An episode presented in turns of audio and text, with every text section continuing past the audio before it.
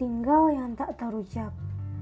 Saya tak tahu apakah hal itu yang membuat perpisahan begitu menyakitkan. Kalian percaya nggak sih jika perpisahan itu bisa menjadi hal yang manis? Kalau saya sih masih ragu. Banyak buku yang saya baca tentang perpisahan. Dan dengan kalimat-kalimat bijaknya, kadang membuat saya berpikir bahwa perpisahan menjadi hal yang baik. Dan memang, Perpisahan bisa menjadi hal yang menyenangkan jika diinginkan.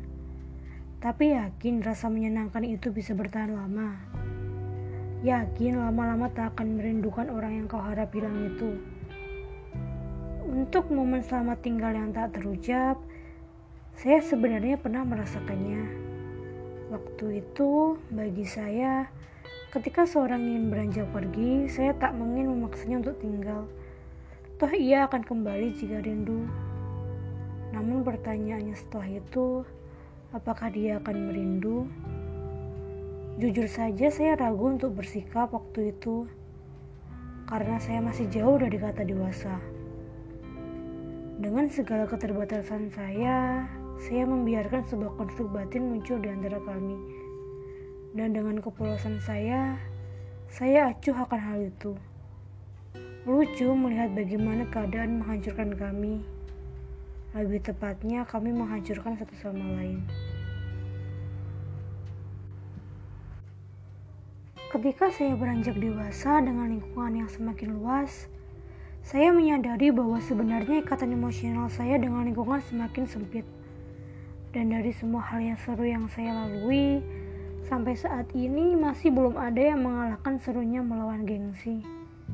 Gengsi untuk memulai obrolan duluan, gengsi untuk bilang kalau lagi kangen, gengsi untuk bilang kalau lagi kesepian, atau paling yang dianggap sepele adalah gengsi untuk bilang temenin dong. Saya tidak mengatakan itu adalah hal yang saya selalu rasakan. Saya tidak seegois itu sehingga menjunjung tinggi sebuah gengsi. Nah, di episode kali ini saya ingin menceritakan tentang bagaimana dua orang manusia berpisah tanpa mengucap selamat tinggal, tanpa ada yang menyadari bahwa mereka telah berpisah secara batin. Mereka masih berjalan beriringan, tersenyum ketika bertemu, mengobrol ketika berada di forum. Namun, dua orang itu menyadari betul bahwa mereka tak lagi sama. Lucu melihat momen canggung ketika mereka berada di tempat yang sama dengan orang yang dulunya pernah mengukir kenangan bersama. Namun tak bisa lagi mengobrol lebih dalam tentang satu sama lain. Pernah gak sih kalian ingin menceritakan banyak hal namun sulit untuk merangkai kata? Pernah gak sih kalian ingin menjelaskan kesalahpahaman namun takut ternyata masalah itu nggak memiliki arti sama sekali olehnya? Karena bagi kita sangat berharga, belum tentu hal itu akan berharga olehnya.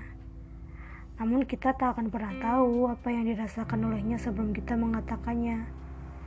Tapi harus ya kita duluan yang memulai obrolan. Duh, emang rumit sih kalau membicarakan tentangnya.